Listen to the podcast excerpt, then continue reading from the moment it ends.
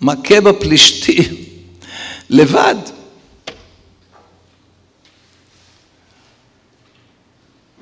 חז"ל אומרים, הפלישתים החזירו את הארון, הוא היה בשדה שבעה חודשים. אתם מבינים מה זה שארון הברית נמצא בשדה שבעה חודשים? חשבתם פעם על מחשבה כזאת, כי חס ושלום, ספר תורה שנמצא שתי דקות בשדה, לא שבעה חודשים.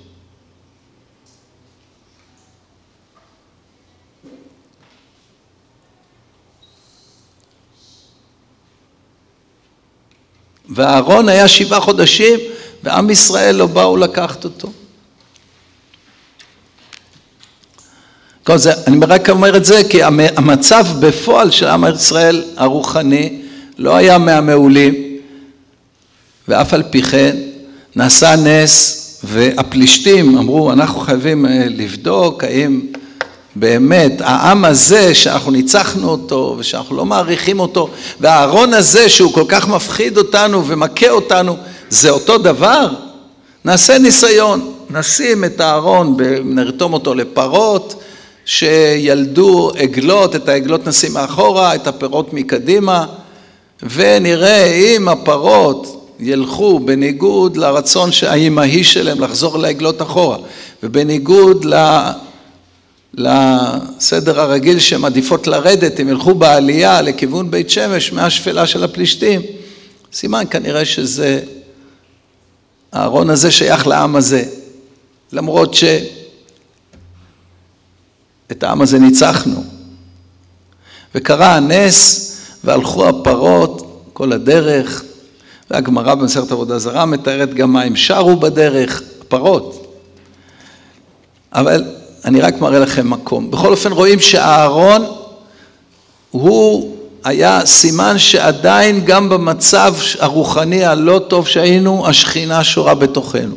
אבל כמובן, ברגע שהגיעו לאנשי בית שמש, אחרי שהפלישתים נתנו מתנות, שהמתנות האלה זכו להיות אחר כך להיכנס גם למקדש, קודש קודשים, תוך הכרה שהשם אלוקי ישראל גבר, ידו גברה עליהם, אבל כשהלכו הפלישתים, אז עם אנשי בית שמש הייתה מכה גדולה מאוד, תוצאה מהעובדה שהם לא הכירו במעלת הארון, ו... אה,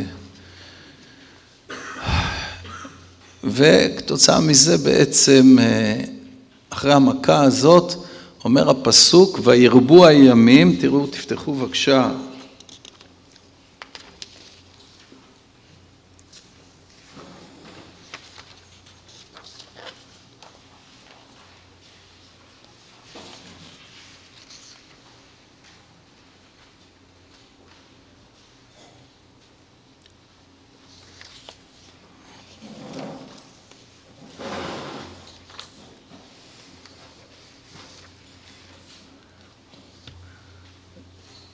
כן, הפסוק, הוא נמצא לפניכם באחד המקורות.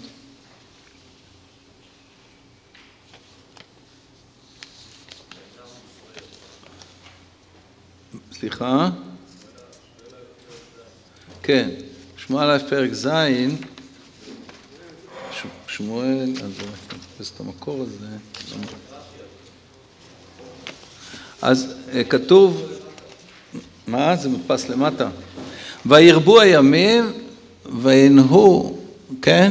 ויהיו עשרים שנה, ויהיו, שמואל א' פרק ז', ויהי מיום שבט אהרון בקריית יערים, אנשי קריית יערים שהיו מאוד אה, יראי שמיים, שמרו על הארון, ויהי מיום שבט אהרון בקריית יערים, וירבו ימים ויהיו עשרים שנה, וינהו כל בית ישראל אחרי השם, וינהו, או שזה נמשכו, לשון נהייה, או שזה לשון בכי, חזרו בתשובה. הפסוק הזה הוא פסוק מרכזי, לפי העשרים שנה האלה אנחנו סופרים את כל המעבר משמואל, שאול ודוד.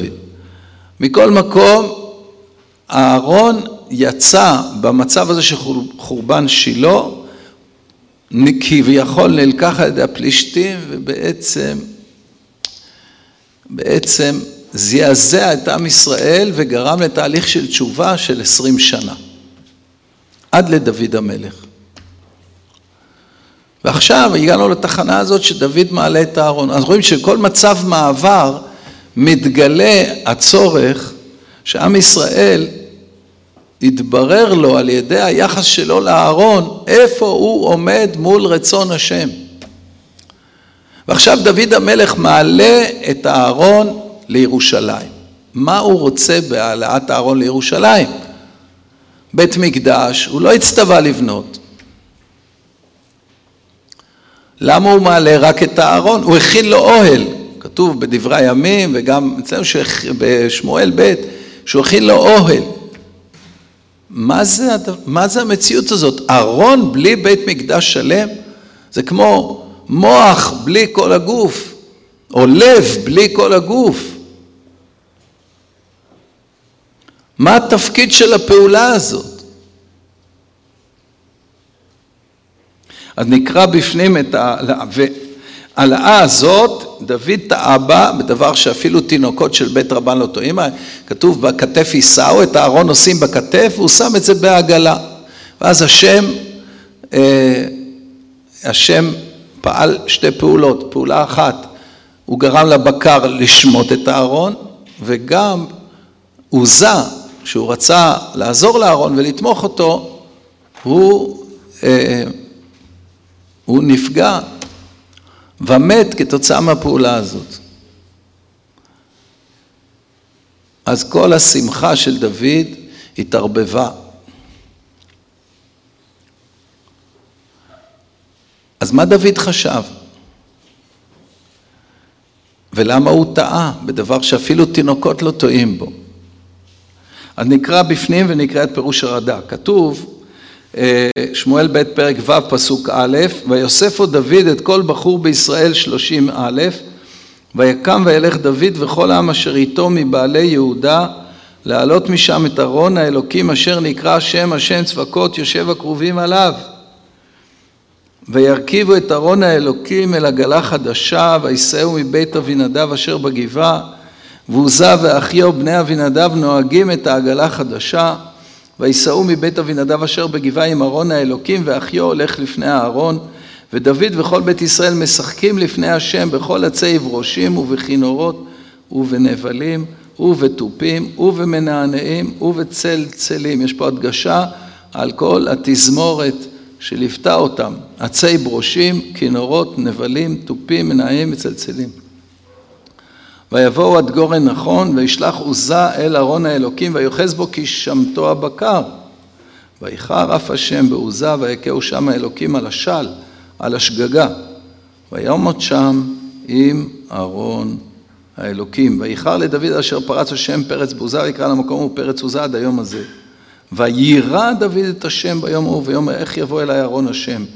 ולא אהבה דוד להסיר אליו את ארון השם על עיר דוד, ויתהו דוד בית עובד אדום הגיתי, ואז אחרי שלושה חודשים התברר שאהרון מביא רק ברכה לבית עובד אדום הגיתי, אז מעלים אותו עוד פעם, זה נראה בהמשך. על קודם כל צריך להבין, מה הייתה הטעות, של, למה הייתה הטעות של דוד המלך? למה הוא באמת לא נתן לכו, ללוויים לקחת אותו על הכתף? על זה אומר הרד"ק, תסתכלו בעמוד השני, כי שמתו בעמודה האמצעית, וישלח עוזה פירוש וישלח ידו כי שמתו הבקר. שמתו פועל עומד, כאילו נשמטו הבקר, כלומר נתפרקו אבריהם מקדושת הארון. זאת אומרת, זה היה משהו מציאותי, שלא היה ראוי שהיה נישא בעגלה שימשכו הבקר, אלא בכתפי הלוויים היה ראוי להיות נישא. ולדעת יונתן, שמתו פועל יוצא, שתרגם הרי מרגוי תורה, פירוש שמתו והורידו. ותרגום ונדחה ידו, תראו, השאלה אם הכוונה הבקר התפרקו או שהבקר פרקו מעליהם את הארון. ואף על פי שבא אהרון משדה פלישתים בזה העניין ולא שמתו הבקר פלישתים לא היו יודעים מנהג מסע אהרון וכיוונו במסעו במוטב אשר, יכל... במוטב אשר יכלו, הרי לא היה להם לוויים שיסחבו, אשר לקחו עגלה חדשה ופרות אשר לא עלה אליהן עול, וישראל שהיו יודעים עשה אהרון, כמו שכתוב בתורה, ולבני קהת לא נתן כי עבודת הקודש עליהם בכתף יישאו, חטאו בזה. לפיכך הראה להם הקדוש ברוך הוא קדושת אהרון בשני פנים, בשמיטת הבקר ובמות עוזה. והעניין אשר שגה דוד בזה הדבר, מקרא מפורש, חשב כי לא יהיה חטא בזה אם ייסעו בעגלה, אף על פי שכתוב בכתף ייסעו. כי אמר באותו זמן במדבר ציווה הקל, כי לפי שהיה המשכן יישא בעגלות, ציווה לשאת את הארון בכתף. כל המשכן נישא בעגלות, הקרשים והכלים. אבל הקרשים והיריות. אבל הארון, נשאו אותו בני קהת בכתף. למה? להראות כי קדושת הארון גדולה מקדושת המשכן. אבל בזמן שלא היה שם משכן, חשב שאין חטא אם יישאו בעגלה. ועוד כי בעגלה בא משדה פלישתים, וזה שגה. ובכן, דוד אמר, אני הרי לא לוקח עכשיו את כל המקדש, אני רק לוקח את הארון. זה שוב מגדיר את הסימן שאלה שאנחנו שואלים, למה הוא הביא את הארון? למה הוא הביא רק את הארון? הארון זה כמו להוציא את המוח ולהביא אותו. איזה ערך לקחת מוח ולשים אותו? איפה כל הגוף? איפה כל המבנה האורגני?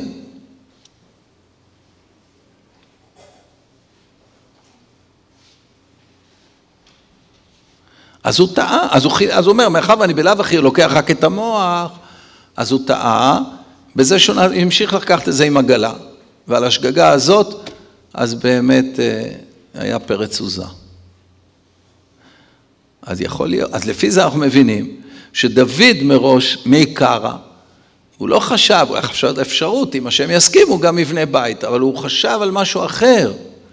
הוא חשב שכשהוא עולה לירושלים, והוא מקים את בירת הממלכה בירושלים,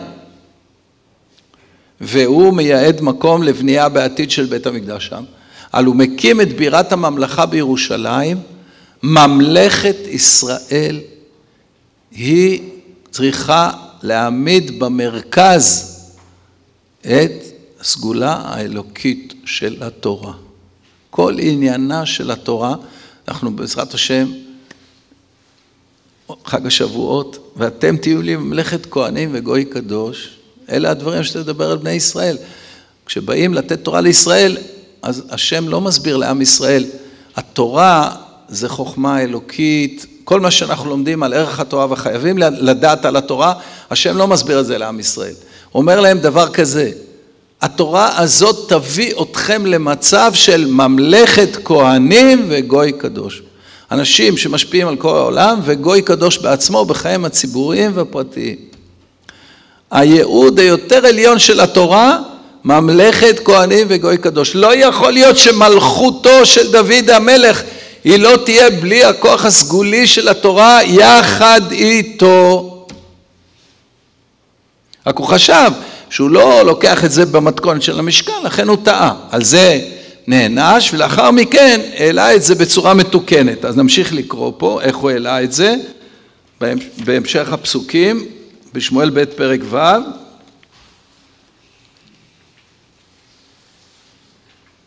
וישב אהרון השם בית עובד אדום הגיתי שלושה חודשים, ויברך השם את עובד אדום ואת כל ביתו, תראו אה, רש"י, פסוק י"א, אשתו ושמונת כלותיה ילדו שישה בנים בכרס אחד. שנאמר בדברי הימים, ופעלתי השמיני שישים ושניים לעובד אדום. הייתה ברכה, התפרצות של ברכה אלוקית, אז הוא הבין שהבעיה הייתה לא בעצם החזקת הארון, אלא באופן שבו העלו אותו. דרך אגב, למה באמת עוזה שילם בחייו על זה? צריך להבין את החומר הגדול של קדושת הארון. כן? שקדושת, מסביב לארון, זה, אתם יודעים שעשה דוחה לא תעשה, אבל בתוך בית המקדש לא תעשה דוחה עשה. ההיגיון של ההימצאות ליד מקום הקודש הוא שאנחנו לא אקטיביים שם, אנחנו לא עושים שום דבר בלי שמבקשים מאיתנו. כל הפעילות המבורכת שלנו היא בחצרות, לא בתוך הקודש. בתוך הקודש זה סדר אחר של הדרכה. מכל מקום, אז דוד רעש את כל הברכה הזאת, ויגד למלך דוד לאמור, ברך השם את בית עובד אדום ואת כל אשר לו בעבור ארון האלוקים. וילך דוד ויעל את ארון האלוקים מבית עובד אדום עיר דוד בשמחה. ויהי כי צעדו נושא ארון השם שישה צעדים ויזבח שור ומרי. ודוד מחרקר בכל עוז לפני השם ודוד חקור אפוד בד. ודוד וכל בית ישראל מעלים את ארון השם בתרועה ובקול שופר. איפה התזמורת שהייתה? איפה עצי ברושים, כינורות, נבלים, תופים, מנענעים, צלצלים? לא, דוד שינה את התזמורת. עכשיו מעלים את הארון עם שופרות ביראה. ביראה. צריך להבין, גם בימים ההם בזמן הזה, היום המדינה שלנו, תדעו לכם, מדינה שלנו, מדינת ישראל, הרב ציודה, כמו שהוא אמר, הוא אמר לנו, אל הנער הזה התפלל, למדינה הזאת התפללנו, למרות שיש בה סיבוכים, אלא זה המדינה, זה, זה בתוך עומק המדינה הזאת נמצאת סגולת ישראל והתורה. וזה מחייב לאחריות גדולה. דוד המלך לימד אותנו בהעלאת הארון, קודם כל שאי אפשר לייסד בירה, את ירושלים, בלי שהכוח של ארון ברית השם אלוקי ישראל עם הלוחות, הוא נמצא עם המלך לידו, באוהל. לא עובדים שם, לא מקריבים. היה בדברי הימים כתוב שהוא הקציב אנשים שדבר יום ביומו יהיו שם באוהל, יסדרו אותו, אבל זה לא במה גדולה, במה גדולה הייתה בגבעון, זה היה מקום עבודת השם. כי כל השאיפה של המדינה שלנו, כל הסיבה לעשייתא דשמיא העצומה שלנו, שחזרנו ואנחנו בונים אותה, בעזרת השם הקדוש ברוך הוא מסייע בידינו להמשיך לבנות אותנו, את כל קיבוץ הגלויות שיתחדש בכל תוקף בעזרת השם מהרה, וכיבוש כל חלקי ארץ ישראל שאנחנו צריכים להשלים, וחזרת התורה למקומה, וחזרת השכינה לציון, הכל הנקודה האיכותית שמחיה את הכל, עשייתא דשמיא הפנימית המוחלטת, בזאת תדעו כי כל חי בקרבכם שכינת התורה סגולה אלוקית של התורה וישראל, היא חיה בעומק העומקים של המדינה שלנו. לכן דוד המלך הורה לנו, אם אני מצליח להקים את ירושלים ועדיין אני מעוכב, אני לא יכול לבנות בית המקדש עכשיו בשלב הזה, אבל ארון הברית, שכינת התורה, צריכה, אני צריך להעלות את זה לירושלים, והוא העלה את זה, ולאחר שהתברר ש... הוא בעצמו חשב שהפעולה שלו היא פחות חשובה מאשר לקחת את הארון במדבר, לכן הוא לא נתן ללוויים לקחת אותו על הכתף, הוא טעה בזה, כי הפעולה של הבאת ארון הברית אפילו ללא הבאת כל המשכן היא פעולה שצריכה את כל חומר, אתם יודעים מה זה יראת שמיים? אתם יודעים מה זה יראת שמיים? מה זה יראת שמיים? אחריות. יראת שמיים זה אחריות, אחריות של האדם על עצמו, על זולתו, על כלל ישראל, אחריות לפני ריבונו של עולם. ודוד לא שיער, לפי הרד"ק שקראנו, הוא לא שיער את חשיבות הפעולה שלו בעצמו. הוא חושב שלהעלות את הארון, מתי צריך בכתף? יחד עם כל בית המקדש. עכשיו, טוב, הוא מביא את הארון כי הוא יודע שבלי הארון הוא לא יכול, אבל לא, אתה צריך להקפיד כמו בשעה שהארון הולך עם כל המקדש. לגלות על הממלכה שלו.